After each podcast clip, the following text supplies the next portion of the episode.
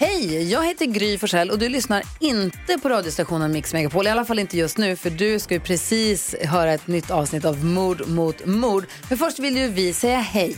Hej, hej, det här är NyhetsJonas. Det här är Carolina Widerström. Och här är Gullige Dansken. Ja, och så Gry då. Och det vi vill säga att när du har lyssnat klart på den här podden, då får du gärna lyssna på våran. Vi spelar in ett nytt avsnitt varje morgon av våra podd Kvartsamtal. Och hela radioprogrammet blir ju också en podd om man är väldigt morgontrött eller så. Just det, om man missar morgonen ja. Men mest av allt så får du gärna lyssna på programmet i direktsändning varje morgon på Mix Megapol. Live varje morgon från klockan sex och då har vi med oss massor med vänner också. Thomas Bodström, Babben Larsson, Johan Pettersson, Christian Luuk. Massor med coola människor som bara dyker upp och gör livet bättre. Ja, som jag, Gullige Dansken. Exakt så. Och så mycket bra musik och annat skoj såklart. Så vi hörs när du vaknar på Mix Megapol. Podplay. Nej men gud, jag har skickat mitt poddmanus till någon som heter Mats Sandell. Eller har jag gjort det? På jobbet? Nej, det har jag inte. Okej, gud, jag fick panik. Jag skulle bara, what the actual fuck? Nej, okej, det hade jag inte.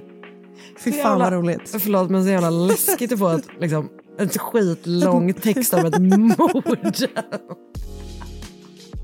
Ah, Gud vad roligt. ah, jättekul. Det var verkligen, det var tur att det inte var så ändå. Och du skriver ju också dina poddmanus i sådana du vet utklippta tidningsbokstäver. så det var ju extra obehagligt. Gud, fy fan vad ångest. Ehm, Hej Mats, eh, snälla öppna inte filen jag skickade till dig precis.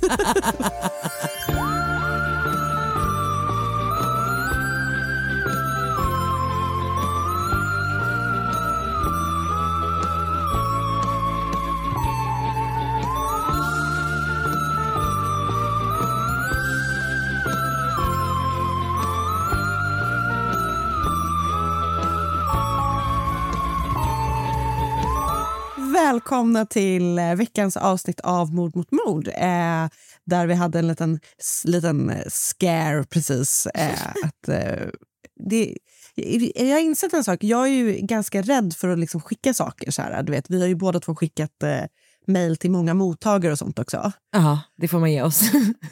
Ehm, men ändå ibland så märker jag att jag är, liksom är sjukt nonchalant när jag liksom gör saker på datorn. Att det är så, det är så motsägelsefullt på något vis. Ja. Att du bara, Att man men, kan vara så här... äh, Att, vet, att man kan vara så här, hålla på hur länge som helst med ett mejl och bara nej okej jag gör om det, du vet, så här, bla, bla, bla. och sen så ibland så är det så att man bara här är ett jätteviktigt mejl som jag nu bara slänger iväg. mm. men ja, jag vet. Men jag tror att målet får vara att man är lite mer så som du precis beskrev på slutet. Att man bara, upp, hej då. Ja, jo, jag håller med. Jag Inte håller med. alltid förstås. In, Men nej. alltså, det är ju verkligen den här grejen att, att ha kvinnliga vänner är bara och- att man i en ständig loop ber varandra och läsa igenom olika mejl man har skrivit. Typ. Men vad noggranna Ja. vi är emellanåt och vad, vilka bra mejl vi skickar. Eller? Alltså verkligen. Alltså, så... så- bra. Jävla bra.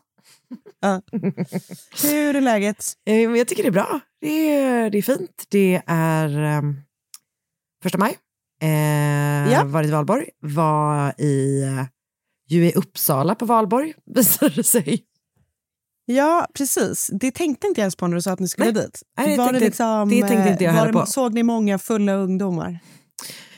Eh, nej men alltså, vi hörde väl dem liksom på, på, på kvällen när vi skulle sova. Då var det väl någon av de här Kvalborg, alltså före Mm. där sådär. Och sen, men sen på dagen så var det ju bara liksom, du vet att de håller på att åka på sådana båtar i Fyrisån och sådär. Så det var liksom inte så, det, men, men det, var, det var liksom bara att eh, vi, eh, vi vill bara åka någonstans och så valde vi var det finns badhus, bra äventyrsbad. Så blev det Uppsala. Och sen när vi körde in i stan, jag bara, gud vilken tur att det inte är Valborg. Jag bara, det är det. Du vet att jag liksom inte, jag hade inte tänkt på det. Ehm, men man eh, lever ju jag- verkligen utanför den bubblan. Mm. Eh, alltså, När man inte är student. Ja, och för, då får du förstå hur långt utanför den bubblan jag är det, som aldrig har varit Mm. student. Eh, jag var i chock. Nej, men det är klart att man har liksom firat valborg i Slottsskogen och fru, frybesitt så in Ja. i helvete. Liksom. Eh, men, det, men är Lund likadant? Typ, men inte riktigt eller? Ja, alltså jag, tror verk, jag tror verkligen att det är som störst i Uppsala. Men det är absolut eh, Kvalborg, Valborg, första maj. I, jag tror Kvalborg är större i, i Uppsala, men vi, vi festade absolut i tre dagar i sträck när jag pluggade i Lund. Men alltså det här med kvalborg, jag förstod inte att det var, alltså du vet att man var, det var som ett, alltså att skämtet är att det är ett kval, eller förstår du vad jag menar? Utan jag trodde att det var den sista dagen för det var då man led kval för allting man hade gjort tidigare dagar. Jag har aldrig reflekterat över det. Nej, jag har var det bara då alltså eh, packad. Jag vet inte ens om det kallas för det i Lund faktiskt. Men eh, nog har det festats i tre dagar i Ja. sträck eh, i Lund också. As it should. As it should. Nej, As men it det, var, det, var, det, var, det var trevligt, det var mysigt. Hur mår du? Kul! Jag mår bra. Alldeles utmärkt. Vi har inte firat någonting. Jag har tillbringat helgen väldigt mycket på soffan. Eh, vilket har varit otroligt skönt. Ehm, så att, eh, Vad har du kollat fick på då? dåligt samvete. Eh, vad har jag kollat på? Vad har jag inte kollat på? eh, En enklare fråga har att svara på. För du har tillbringat Nej, så jag- mycket tid på soffan. Exakt. Nej, men jag har tillbringat väldigt mycket tid sovandes och lyssnandes på bok också. Men jag har tittat på en sak som jag kan tipsa om och det kommer eh, här. Spännande. Det är eh, en liksom, dokumentärserie då, som heter Web of Make Believe, eh, Death, Lies and the Internet. Och då har jag sett... Eh, jag vet typ inte riktigt vad det är för typ av... Liksom, jag kan inte förklara det. Jag, jag har sett två avsnitt av det. Ett som heter Murder in DC, där det är en person... Jag vet inte om du minns det. Det var en kille, en ganska ung kille som jobbade i eh, DNC, alltså Demo, Democrat eh, National, vad det står för, eh, under valrörelsen Trump-Clinton som blev mördad. Ah, Och man vet inte varför. Så det är så lite konspirationsteori kring det. Och sen så har jag sett ett annat avsnitt och det var det som jag blev verkligen tagen av. Som heter I'm not a nazi. Och det handlar då om en kvinna som typ... Eh, hon liksom bara dras in typ eh, i alt-right-rörelsen. Hon dras in för att hon typ... Eller hon, hon, är, hon, hon är med. Alltså hon, hon, hon är ute ur det nu, ska jag säga. Så hon Ja. berättar om det själv. Liksom hur hon har blivit en av de typ största, viktigaste kvinnorna i den rörelsen för att typ Aj. hennes kille Aha. är. Liksom. Så hon, eh, det, det är ganska intressant. Det avsnittet är bara väldigt drabbande. Ja. Okej, så Mm. hon typ... Eh... Ja. Men när hon gjorde slut med Nej, den men det- killen, slutade hon då vara rasist? Ja, Liksom? men det hände massa grejer och hon har i alla fall lämnat det nu. Ja. Ja, det var, det var ju bra gjort. Ja. Ja, spännande. Eh, vart vart, vart, vad vart var det här någonstans? Eh, på Netflix. Ah, jag förstår. Ja. Ja, bra Eh, tips. Ove- det, kan, alltså, det kan det var lite oväntat tips av dig på något sätt. Ja, kanske. Eh, kanske framför allt för att det känns som att alltid när man typ kollar på någon sån serie så är man så här, det här berättar jag inte om så kan jag göra det i podden sen. ja, Men nej, men det här, det här är, Ja, men det var inget som jag kände... Precis, så skulle man ju kunna känna. Men jag känner inte så. Nej, Sen har jag också börjat titta på Soy Georgina som handlar om Cristiano Ronaldos eh, fru, Georgina. Men det? eh, det har inte riktigt... Jag har bara sett två avsnitt. Ja. Hon- Det är jättekonstigt. Ja. Nej, han... Det, jag vet inte, det, är- det, ja, det är ett märkligt val. Och, utifrån ett eh, liksom PR-perspektiv. Så mycket skit som Ja. han ändå får rättmätigt. Eh, att Mm. välja att vara så här. Men det kanske i och för sig är ett sätt att hantera kritiken. Att vara så här. Men det handlar ju verkligen bara om henne. Jag vet, men det är det jag menar. Typ att de lyfter fram kvinnan i hans liv. Givet det han har gjort mot kv- kvinnor innan. Som en del Ja, av en PR-strategi för att typ tvätta hans, Men han, hans och det är lite speciellt för hon verkar sjukt vettig. På något vis ändå. Mm, ja, jag fattar. Gud, konstigt. Alltså hon... Eh, ja. Eh, jag tycker det är lite spännande. Ja. Men det är på spanska så man måste ju lä- liksom vara ganska med Man om man ska med, förstå ja. vad som händer. Ja, Ja, fan, hatar det. Hatar när det händer. ja jag vet. Lex när, Ja. jag försökte, när jag försökte kolla på Love is blind Japan. Bara, Ja, jäklar. Riktigt svårt. Jävlar, vilken fokus. Alltså, jag har aldrig varit så fokuserad på någonting och förstått så lite. Jag gav upp.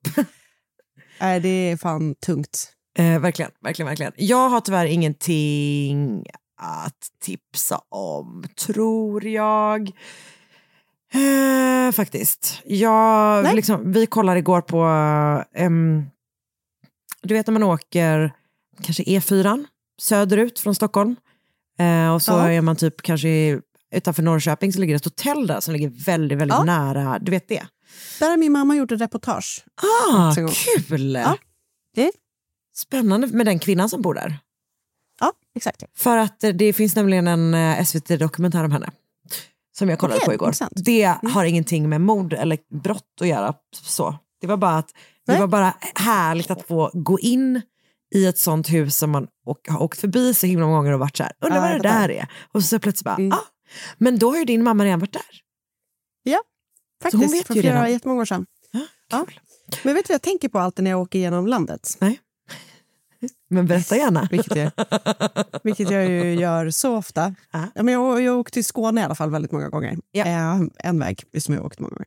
Så tänker jag så här, du vet man åker förbi något hus. För det, det, liksom, det finns ju så många hus som ändå, man ser är fina eller har varit fina som ligger precis vid motorvägen. Ja, jag vet.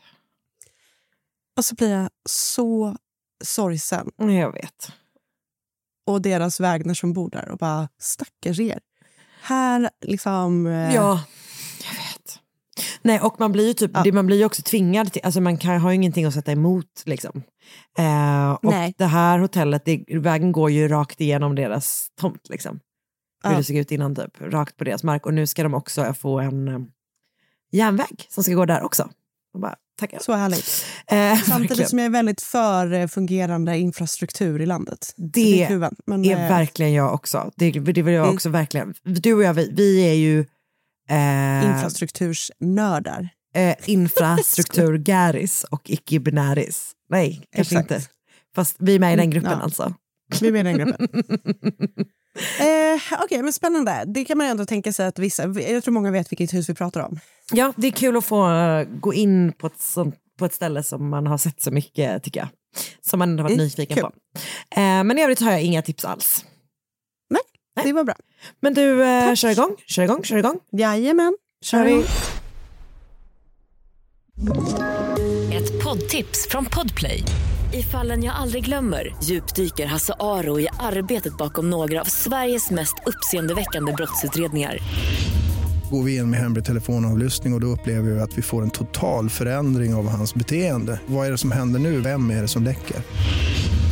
Och så säger han att jag är kriminell, jag har varit kriminell i hela mitt liv men att mörda ett barn, där går min gräns. Nya säsongen av Fallen jag aldrig glömmer på Podplay.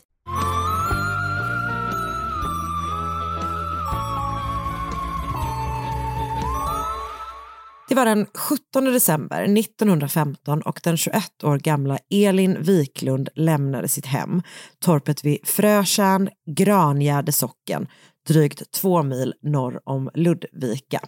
Hon skulle gå och hämta familjens post. Det låter kanske inte som att det var en särskilt stor affär, men det innebär då vid den här tiden en promenad på en halv mil enkel väg i 30-40 minusgrader, djup i djup och djup snö genom olika skogar. Jösses. Ja, jag vet.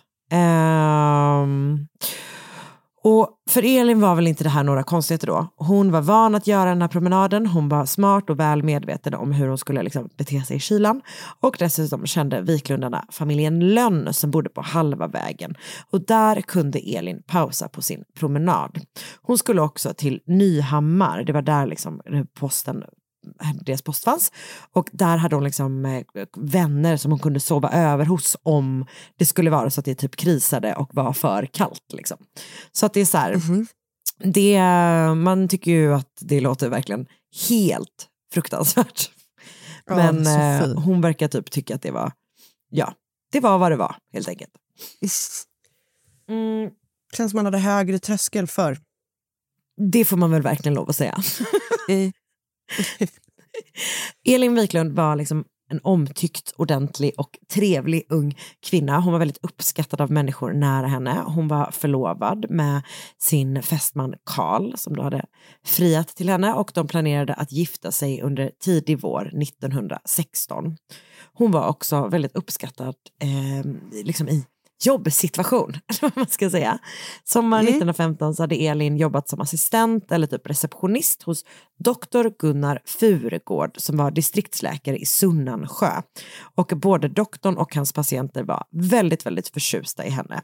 Och han hoppades att hon skulle komma tillbaka sommaren efter.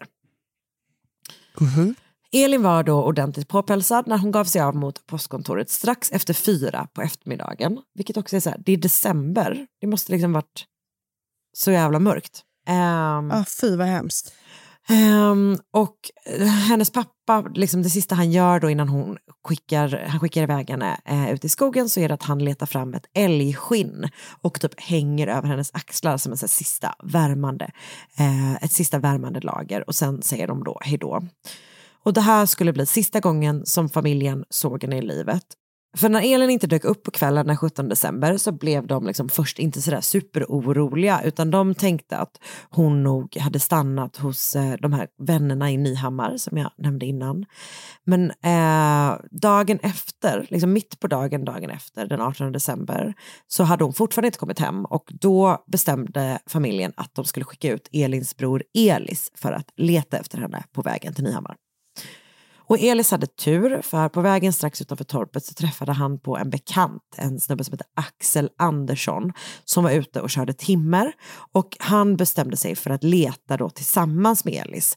Så Elis hoppade upp i hans eh, släde, eller vad det nu var. Ehm, Men när de kom till bron vid Frötjärn så skrek han på Axel att stanna. Han hade då fått syn på något han kände igen inne i skogen. Eh, ett klädesplagg som han trodde kunde vara hans syster. Och snart så ser de två också blodspår i snön. Mellan två höga träd låg Elin Wiklund död i snön. Hon var påklädd förutom att hennes näsduk och pälsmössa låg bredvid kroppen. Eh, och bredvid kroppen låg också en cigarettfimp av samma märke som Elin brukade röka. Elis och Axel behöver då vända hem till torpet och berätta för Elins föräldrar att hon är död och eh, det är liksom det är ingen av dem som tror att det här är en olycka. Alltså det är inte så att hon har förfrust. Det är tydligt på platsen att det, Nej. inte är, eh, att det inte är vad som har hänt. Eh, och Elins pappa har då sinnesnärvaro nog att snabbt kontakta polisen. Så de kommer till platsen och konstaterar att Elin verkar ha blivit slagen med något trubbigt i bakhuvudet. Kanske är mordvapnet en sten. Och för att undersöka kroppen ytterligare så kallar man då på läkare och det blir Elins före detta chef Gunnar Furegård som får den här hemska uppgiften. Och han tvingas då också berätta för Elins familj att hon varit gravid i första trimestern.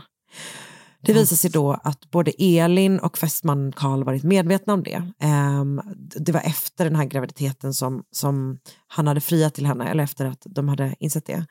Ehm, Så planen var att berätta efter jul för sina, för sina föräldrar och det är också därför man skyndar på med giftermålet. Att det är så här, man vill inte att de ska gifta sig innan det typ syns på henne att hon är gravid. Liksom. Ehm, men den här ledtråden då är inte det enda som Gunnar Furugård kan bidra med. Han har också gjort en del iakttagelser vid Frötjärn under tiden då brottet har, brottet har begåtts. Han och hans kusk Frank Cornelius, vilket är ett så bra namn. Så bra namn. Ja, så bra namn. De hade gjort ett hembesök i närheten av eh, det här torpet där Elin och hennes familj bodde eh, den kvällen den 17, eller eftermiddagen 17 eh, december. Och de hade nog bara missat henne med typ någon liten stund när hon gick iväg hemifrån. Däremot så hade de sett en annan person på vägen, en ung man stående vid bron över Frösjön, stirrades ner i vattnet. Och han verkade då vara så inne i sina tankar att han liksom knappt märkte att Gunnar och Frank körde förbi med sina hästar. Efter att de var klara med det här patientbesöket så vände de hemåt igen och den här gången såg de ingen vid bron men hästarna reagerade jättekonstigt där. De vägrade liksom gå förbi och det här var så här, du vet, superlugna och trygg, trygga hästar som bara plöjde på typ. Men de blev jättestissiga och jättenervösa och vägrade att gå förbi den här platsen där den här mannen hade stått. Så Frank fick liksom hoppa av och typ leda dem över för att få dem att gå framåt. Och båda två typ reagerade på att det var konstigt liksom. På vägen hem så kunde Gunnar Furugård inte låta bli att fundera på varför de reagerade. Kanske hade den unga mannen hoppat från bron. Men efter det som hände Elin var doktorn då istället övertygad om att mannen han hade sett var mördaren. Den lokala polisen kallade in ridande polis för att kunna täcka de här sträckorna som Elin hade rört sig och prata med folk i de olika gårdarna och de olika torpen på vägen. Hon hade kommit fram till familjen Lönn på vägen dit. Jag tror också att hon stannade till på vägen tillbaka, men jag är inte helt säker. Man hittar du vet, något till vittne som säger sig ha sett Elin promenera tillsammans med en ung man i närheten av Frösön här eftermiddagen. Men utöver det så har ingen liksom sett något värdefullt att rapportera. Det ryktas då förstås, eh, givet, om att en man av citat luffartyp sätts i området, men ingenting kommer av det. Så samtidigt så börjar polisen kolla på andra möjliga gärningspersoner. En sådan är en man som heter Karl Skoglund och som brukar kallas för Sveriges sista stråtrövare. Han går Mhm. under namnet Gardist-Kalle sedan hans tid i militären. Tycker det är så, Oh. eh, man förknippar typ inte stråtrövare med 1900-talet. Nej, men vet du, alltså jag tänker typ så här, gud vad de hade mycket bättre liksom så namn på folk Ah. för. Ja, verkligen. Inte, inte alltid så schyssta kanske. Nej, sällan schyssta. Men det tänker jag typ så här, bra. min pappa som växte upp på, han är ju född på 30-talet, när han pratar liksom om så här, Ah.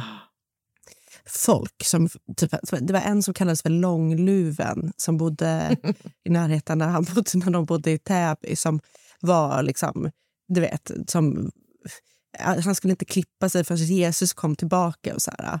så det var lite speciellt. Så det var långa, långluven och så pappas kompis Bosse i Boda. Så vet Ah. att de hette så här saker då. Men alltså, i allmänhet kan jag känna att jag har typ inte haft en enda kompis med liksom, ett kul smeknamn. Nej, inte jag heller. Alltså för även typ mina, alltså, mina föräldrar är födda på liksom 50-talet och min mammas ehm, bror har ju en kompis, de har liksom bara sådana bra. En kallas ju för Kött-Arne. Han heter inte Arne. Ja. Nej, det var som att jag fick också höra att de hade högre IQ, de som är födda före 75. Det kanske hänger ihop med det. Jag vet faktiskt inte. Just det. Vi lägre IQ och tråkiga smeknamn. Exakt. Perfekt. Ja. Ah, ja. Continue. Ehm, men, ja det här var lite innan då, men ändå, att det liksom är stråt. Ja, men ändå. eh, ja, han verkar då vara lite på en late adopter helt enkelt. Han var liksom Yes. kvar när de andra Yes. hade slutat. Ehm, han var då väldigt, eh, alltså han, eh, som sagt han hade varit i militären, han var tydligen väldigt bra på att skjuta och han var väldigt bra på att ta hand om hästar men i övrigt var han en fruktansvärd militär. Och efter ett tag så typ slutade han där, fick vet, något till eh, jobb. Men sen stötte han på ett rövarband och blev ledare för gänget. Nice. Och gick liksom full on eh, brottets bana. Och han var en person som varken drog sig för våld eller mord.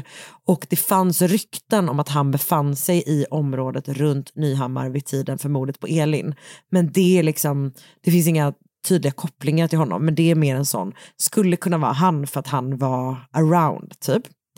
Eh, Men det går aldrig att bevisa. Men kom inte vidare med den teorin. Ett annat spår var att den så kallade Uvbergsmördaren varit inblandad. Det var en man som hette Albert Skoglund som bodde i en av tre stugor vid Uvberget som också ligger då i Grangärde socken, precis som där platsen där Elin bodde. Eh, och som sagt, det låg tre stugor där. Han bodde i en stuga. Sen bodde änkan Sara-Lisa Jansson med sina fem barn i en. Och i den tredje så bodde en, en man som heter Lars-Erik Andersson. Och eh, Albert blev då, alltså om man tycker typ så här att det kan vara jobbigt att ha jobbiga grannar nu. Tänk när man bara hade två. Stress. Ah, panik. Ja. Och eh, den här Albert blev liksom våldsam när han drack och en kväll i juni 1913 så gjorde han närmanden på Sara-Lisa och hon avvisade honom som hon liksom alltid gjorde och han eh, alltså tappade det helt enkelt. Det var nog inte, Mm. det verkar inte som att det var out of character riktigt. Alltså han var liksom ett riktigt dåligt fyllo helt enkelt.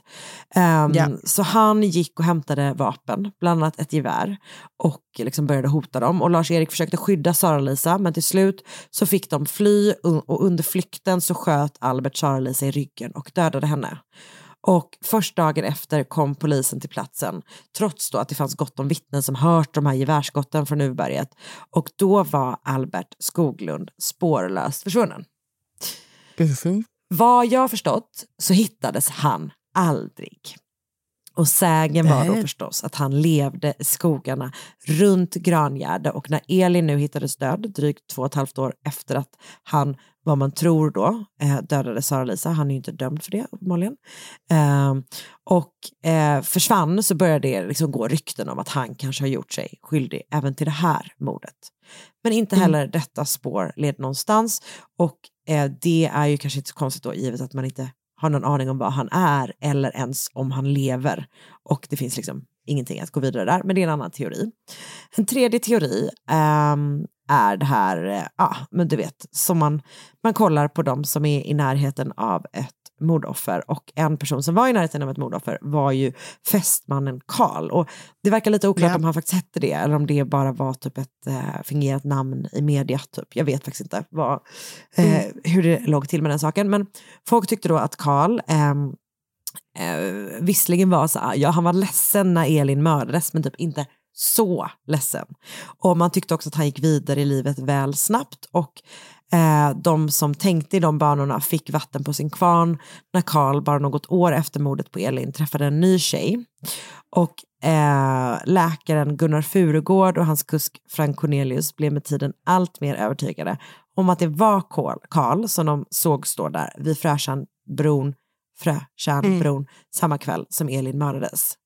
Så teorin är då helt enkelt att han inte ville ha Elin eller det här barnet utan istället gifta sig med den andra tjejen för att ganska kort då efter att de har blivit ihop så förlovar sig Karl med eh, den här nya kvinnan och inom loppet av två år efter Elins död har de inte bara hunnit gifta sig utan också emigrerat till USA tillsammans. Oj. Vad som händer Karl där är oklart men han dör 1940 och enligt osäkra källor så erkänner han mordet för sina släktingar på sin dödsbädd. Ehm, en sak är då säker och det är att man i Grangärde och Nyhammar inte glömmer bort Elin Wiklund. För på platsen där hon hittades uppstår ett så kallat offerkast där förbipasserande lägger ner granris för att hedra hennes minne. Och än idag ligger det alltid färskt granris mellan de två träden där Elin hittades oavsett när på året det är. Och liksom sägen då, eller liksom det, det som sägs är att ingen vet vem som lägger dit det. Eh, och ehm, även när det liksom snöat ligger nytt granris på platsen trots att inga fotspår leder dit. Dun, dun, dun. Verkligen. Ehm, jag har då läst Mördaren lämnade Elin att dö i snön av Andreas Jämn på Historiska brott. Ett dokument av en man som heter Torgny Lås.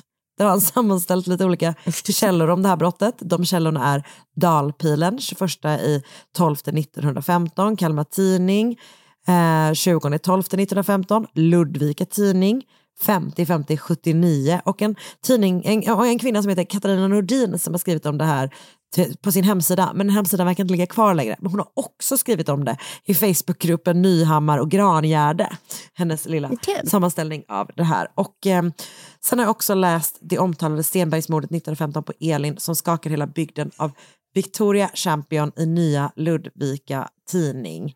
Eh, och så har jag också läst om Kalle Granlund på Svenska öden och äventyr. Även den artikeln skriven av Andreas Jämn. Okej. Eh, det var mordet på Tack, Elin du. Wiklund. Det är länge sedan du gjorde ett sån gammalt svenskt jag vet, fall. jag vet. Jag kände att det var dags. var dags. Det var faktiskt Mm. dags. Absolut. Och nu är det dags att ta reda på vad du ska berätta för oss den här veckan. Ett poddtips från Podplay. I fallen jag aldrig glömmer djupdyker Hasse Aro i arbetet bakom några av Sveriges mest uppseendeväckande brottsutredningar. Går vi in med hemlig telefonavlyssning och, och då upplever vi att vi får en total förändring av hans beteende. Vad är det som händer nu? Vem är det som läcker? Och så säger han att jag är kriminell, jag har varit kriminell i hela mitt liv men att mörda ett barn, där går min gräns. Nya säsongen av Fallen jag aldrig glömmer på Podplay.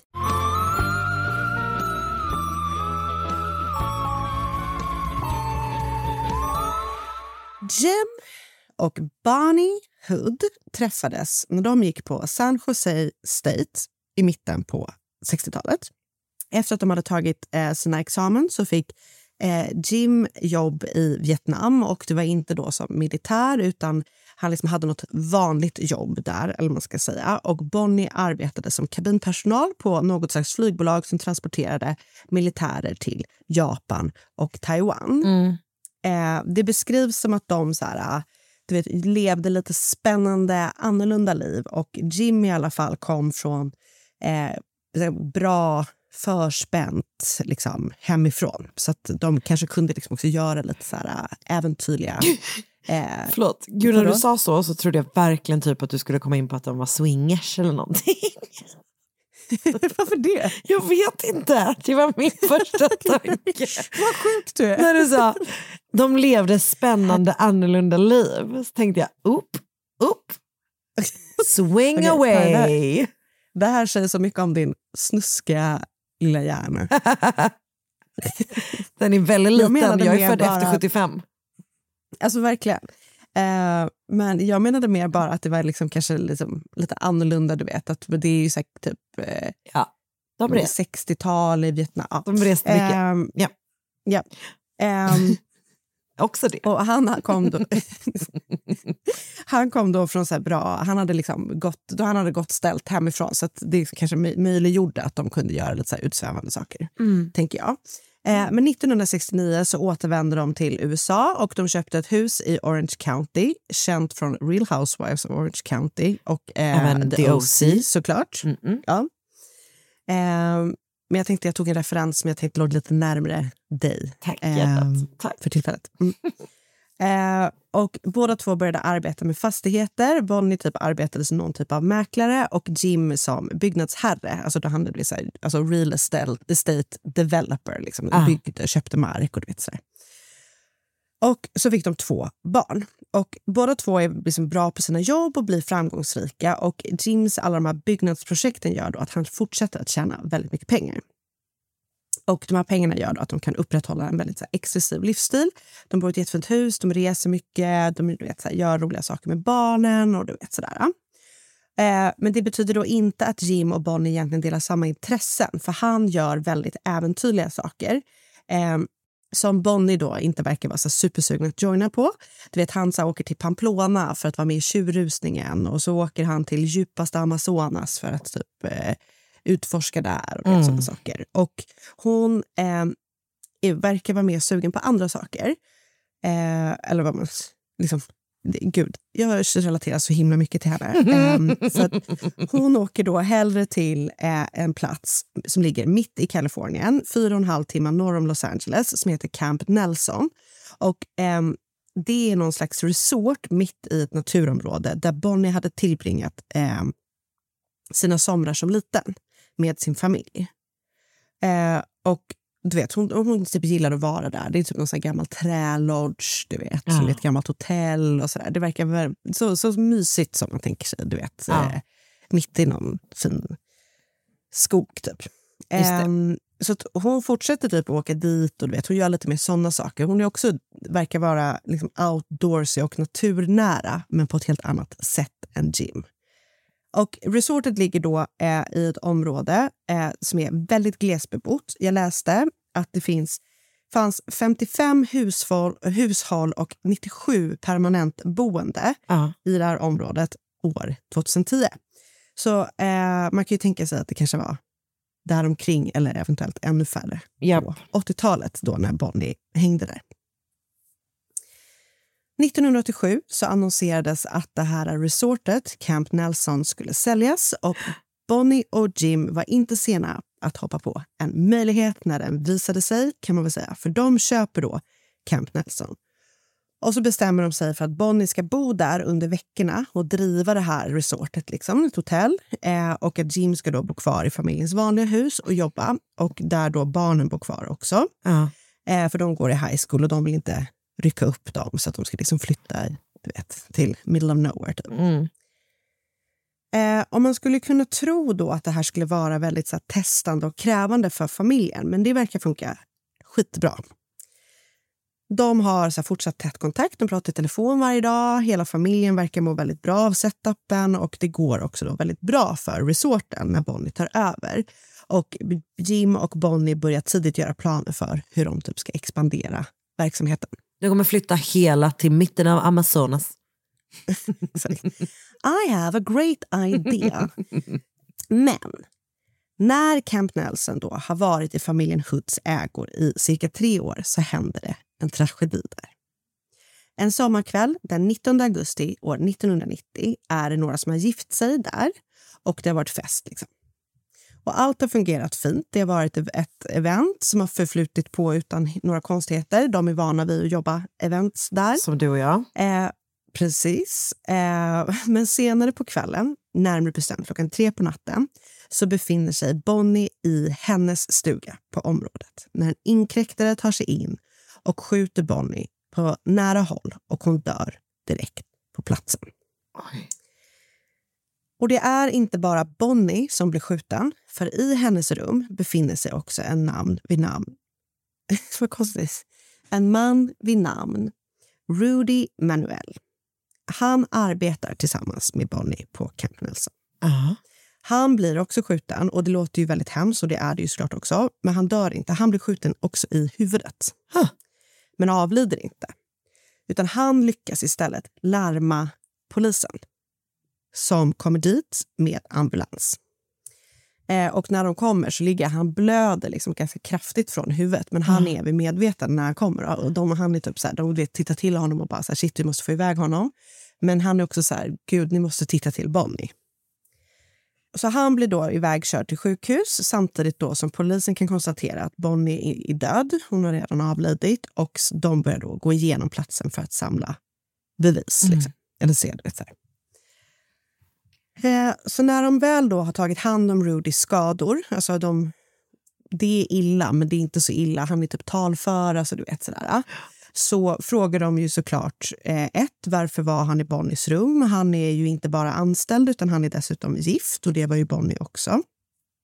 Eh, så det är liksom inte givet att han ska hänga i hennes stuga, i hennes sovrum typ mitt i natten. Och så frågar de såklart vad som har hänt. Kan han återge vad som har hänt? Då medger han att han inte bara har varit Bonnies anställda utan de två har också haft en kärleksrelation med varandra. Och Den här kärleksrelationen verkar vara ganska allmänt känd i det här området runt omkring. De här 97 personerna som eventuellt bodde där 1987 eh, eh, visste alltså om att eh, de två hade ihop det. Han berättar sen då också eh, att, vad som har hänt liksom under kvällen när överfallet har skett. Uh. Och Då berättar han att han och Bonnie har då varit i hennes stuga. Eh, och Då har de hört så konstiga ljud utanför huset. Sen har då en man som de inte kände igen eh, liksom kommit in i huset och sagt att han ha- vill ha pengar. Och Då har Rudy typ sagt så här... Men de typ tänker så här, han kanske vill ha dricksen typ, från festen. eller du vet så här. Men Rudy är bara direkt typ så här, men vi har inga pengar. Och då har han, den här mannen, inkräktaren, gått rakt fram till Bonnie och sagt I know you bitch. Och sen så skjuter han henne. Huh. Sen vänder han sig om och skjuter också Rudy. Okej.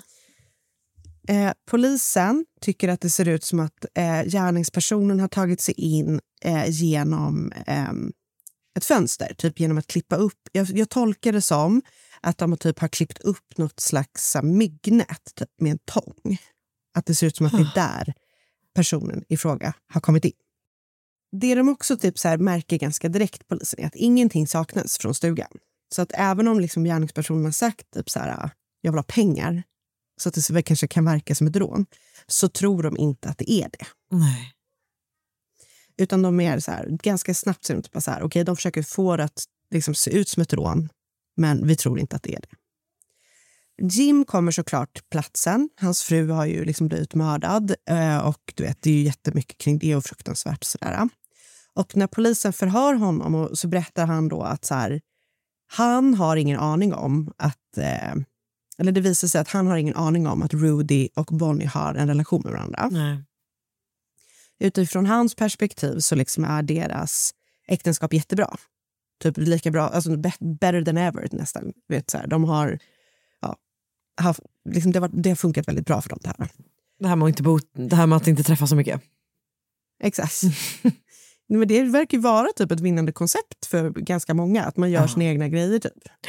Eh, Ja, det här känns, och det är väl viktigt i och för sig, men det känns som det här är liksom, tar det till en eh, verkligen next level. Ja. Eh, och när polisen frågar då honom om han har någon aning om vem som kan ha mördat hans fru så säger han att eh, det har han inte, men att han antar att det är någon som hon har någonting otalt med. Okej. Men han kan, inte, han kan liksom inte svara på vem den personen skulle vara. Så polisen gets to it, börjar jobba. De frågar alla som har varit där under kvällen som Bonnie mördades om de har lagt märke till något ovanligt. Eh, två personer som de förhör pratar med eh, berättar om en främmande kar som varit på resorten samma kväll. Mannen i fråga har saknat en tand, druckit Budweiser och ätit middag ensam under tiden som bröllopet pågick.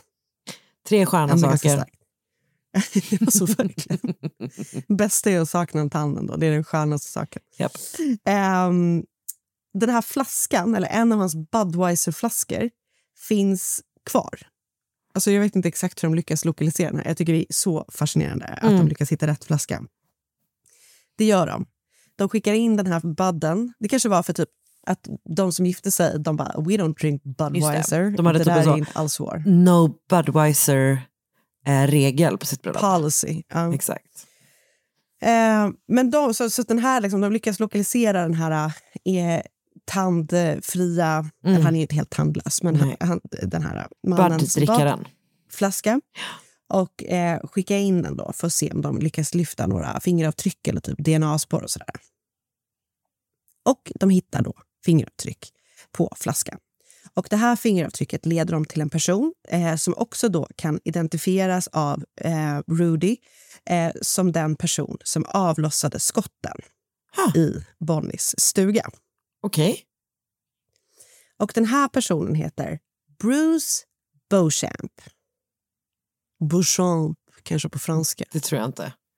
Beauchamp. Beauchamp. Alltså jag tror faktiskt att det är i det här fallet. Jag tror, jag, tror, jag tror verkligen också det. Alltså, Om men det lilla jag vet om man om saknar honom. en tand. Om det lilla jag vet om honom så är det definitivt Beauchamp. Jag tror också det. Eh, bra. Och, ehm, ehm, och polisen är så här, okej, det här kan absolut vara our guy för att han har ett track record. Han har varit i kontakt med polisen många gånger förut. Eh, de hittar, polisen liksom får ganska snabbt fatt i Bruce och förhör honom. Och Han är så här, ah, jag var absolut på Camp Nelson men det var för att eh, jag ville tagga ner, unwinda lite grann och jag känner inte Bonnie och jag har inte sett henne och jag såg inte henne kvällen hon mördades och jag har ingenting med det här att göra. Eh, de tycker ändå såklart att han verkar vara en intressant figur och eh, de genomsöker hans hem och där hittar de ett par skor som matchar eh, skoavtryck som funnits på brottsplatsen.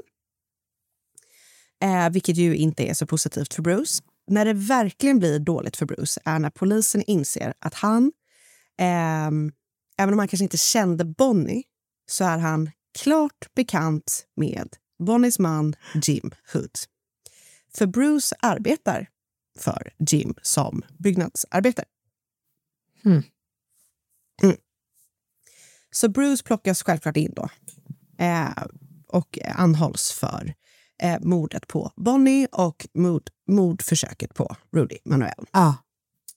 Polisens teori är att Jim då har betalat Bruce för att mörda hans fru. Dels för, alltså vet, när man också börjar titta lite närmare på det så är det så här, det går kanske inte skitbra varken för Camp Nelson eller för Jims andra affärer. Eh, han behöver pengar. Eh, Bonnie har en livförsäkring som är på 500 000 dollar. Aha. Men hon har ju också en affär då med en annan man. Japp. Så det är teorin. Det finns ju inga bevis för det här. Man, verkar, man hittar liksom inga du vet, så här, äh, betalningar eller några sådana spår mellan Bruce och Jim. Men det är vad man tror. Mm. När det väl kommer till kritan så finns det liksom inga bevis. Det finns inga bevis mot att Jim är den som har anstiftat eh, mordet. Eh, och det finns inte heller tillräckliga fysiska bevis mot Bruce. Han har varit där, hans skor finns typ utanför hennes stuga men det finns liksom ingenting egentligen som räcker för ehm, det. Och det starkaste som åklagarna hade var det faktum då att Rudy pekade ut honom som skytten. Men när rättegången ska inledas mot Bruce så ändrar han sig. Han, vet, han typ så här, tar tillbaka... Eh, han säger att eh, han och Bonnie hade inte alls en relation med varandra. Så då ifrågasätts du vet, istället hela hans trovärdighet som vittne. Ah. Om du förstår vad jag menar. Okej, ja, ja, ja, ja, jag fattar. Så det är inte att han bara... Alltså han tar väl tillbaka typ allting. För då, alltså du vet så här... Ja. Ja, jag vet inte. Ehm, så efter mycket så här fram och tillbaka så släpps Bruce. Han frias eh, från misstankarna och liksom från ner, liksom. åtalet. eh. Mm. Så fortfarande liksom ingen lösning på vem som mördat Bonnie. Men ungefär ett år efter att Bruce har släppts, den 22 mars 1992, alltså ungefär två, knappt två år efter att eh, Bonnie har mördats, så händer något igen. För på den här dagen, då, 22 mars, så skjuts Bruce sju gånger och avlider. Oj! Platsen som han avlider på är Jim Hoods kontor. Och personen som har skjutit honom är Jim Hood. Mm. Okej. Jim menar då att han har skjutit Bruce i självförsvar. För att äh, enligt Jim då så säger han att Bruce svåger, som också jobbar för honom, har stulit eh, verktyg från Jim Hoods verksamhet. Ja. Och ehm, eh, då menar Jim att Bruce har kommit dit, haft med sig en pistol, hotat honom att Jim ska dra tillbaka hans anmälan om den här stölden och du vet sådär. Så att Bruce har då varit hotfull enligt Jim och haft med, liksom med sig den här pistolen. Och när Bruce då drar vapnet så har Jim hunnit före med att dra sitt vapen och skjutit honom för att försvara sig själv. Åklagarsidan och andra sidan, det var, det var inte en bra... Åklagarsidan menar att det inte alls är fallet. De menar å andra sidan, där fick jag in det istället, att Jim då har ringt dit... Så viktigt att få med. De menar att Ri- Ring, Jim har ringt dit Bruce, alltså ringt Bruce till sitt kontor och att han då sen har mördat honom så fort han klivit in på kontoret. Ah. Och det är då för att han eh, inte ska, sk- alltså du vet, säga någonting. Alltså du vet, det har någonting med mordet på Bonnie att göra. Liksom. Han har ju då skjutit honom med inte bara ett skott, utan med sju skott. Så att liksom, eh, försvar, eh, åklagaren säger att det här är liksom inte ett, det här är inte självförsvar, Nej. det här är liksom regelrätt eh, mord, typ avrättning. Han har liksom bara klivit rakt in och blivit skjuten sju gånger. Tekniska bevis från brotts, brottsplatsen, såsom blodstänk och så det sättet som Bruce kropp låg på visar då att Jim och försvarets berättelse inte adds up. Det stämmer liksom inte det, som man säger. Så Jim grips för mordet på Bruce. Och eh, även, att, även om man liksom inte kan bevisa det som man tror är motivet då. Som är att man tror att typ, han har varit inblandad i mordet på Bonnie och sen har han Exakt. gått till honom och typ kanske bett om mer pengar eller någonting, eller? Antagligen så. Ja. Exakt. Man kan ju inte bevisa något av de här, men man är ganska säker på att det är liksom hela den här, äh, precis det som du berättade Kedjan, att det är liksom. det som liksom gör, leder till att eh, Jim skjuter Bruce. Eh, Bruce änka har också liksom stärkt den här historien att, eh, genom att berätta att hennes man eh, hade fått 50 000 dollar för att mörda Bonnie. Det kommer fram efter att Bruce har skjutits då, till döds. I Jims rättegång var juryn inte enig. Alltså det är en sån så kallad hung jury om hans skuld eller inte. Så att eh, han går först igenom en rättegång och sen går han igenom ytterligare en rättegång. Och I den andra rättegången så döms Jim då för mordet på Bruce. Han får 27 år i fängelse. Efter 23 år i fängelse så släpptes han fri. Så att från, från och med april 2017 så är han alltså en fri man. Även om han liksom nu är ganska till åren. Ja. Eh, så. Och vem som mördade Bonnie och varför hon mördades vet man fortfarande inte. Även om liksom väldigt många då tror på att det är Jim som låg bakom även det, så vet man alltså inte det. Och han har liksom alltid hävdat sin oskuld i, i Ja. båda två liksom. Ja, Jävlar. och så som jag förstår det så står liksom hans barn, eller de stod i alla fall bakom honom och så, där, så vet jag inte vad som har hänt exakt på senare tid. Så här, men ehm, det är fortfarande Ah. så sjukt. Ja jävlar alltså. Så det var mordet på Bonnie Hood och Bruce Beauchamp. Uff. Pretty intense. Ja verkligen. Tack snälla du. Ehm, tack. Jag har läst Death times two. Bonnie and Jim Hood had a good life and then she was killed. Now he's charged with the slaying, with the, slaying the man he allegedly hired to murder her på LA Times, skriven av Mark I. Pinsky. Jag har läst en eh, artikel på Oxygen som heter Who shot Bonnie Hood? A California woman's murder leads to exposed secrets and multiple trials skriven av Joe Gishimanovic. Och sen så har jag också läst flera olika Wikipedia-sidor. Jag har läst en artikel på The Cinemaholic skriven av Shraman Mitra som heter Bonnie Hood Murder. Who did, how did she die and who killed her? Och sen har jag sett en gammal dokumentär om fallet som heter så mycket som The Murder of Bonnie Hood and Bruce Beauchamp på Crime Documentaries. Snyggt. Tack! Du, tack så jättemycket och tack till er som Ja, har lyssnat den här veckan. Vi är tillbaka nästa vecka. Eller hur? Jajamän, det är vi. Som vanligt. Ehm, Som vanligt, samma tid, samma kanal. Hej då! Hej då! Podplay. Poddtips från Podplay. I podden Något Kaiko garanterar östgötarna Brutti och jag, Davva, dig en stor dos skratt. Där följer jag pladask för köttätandet igen. Man är lite som en jävla vampyr. Man har fått lite blodsmak och då måste man ha mer. Udda spaningar, fängslande anekdoter och en och annan arg rant. Jag måste ha mitt kaffe på morgonen för annars är jag ingen trevlig människa. Då är du ingen trevlig människa, punkt. Något Kaiko, hör du på Podplay. Därför är gardinerna.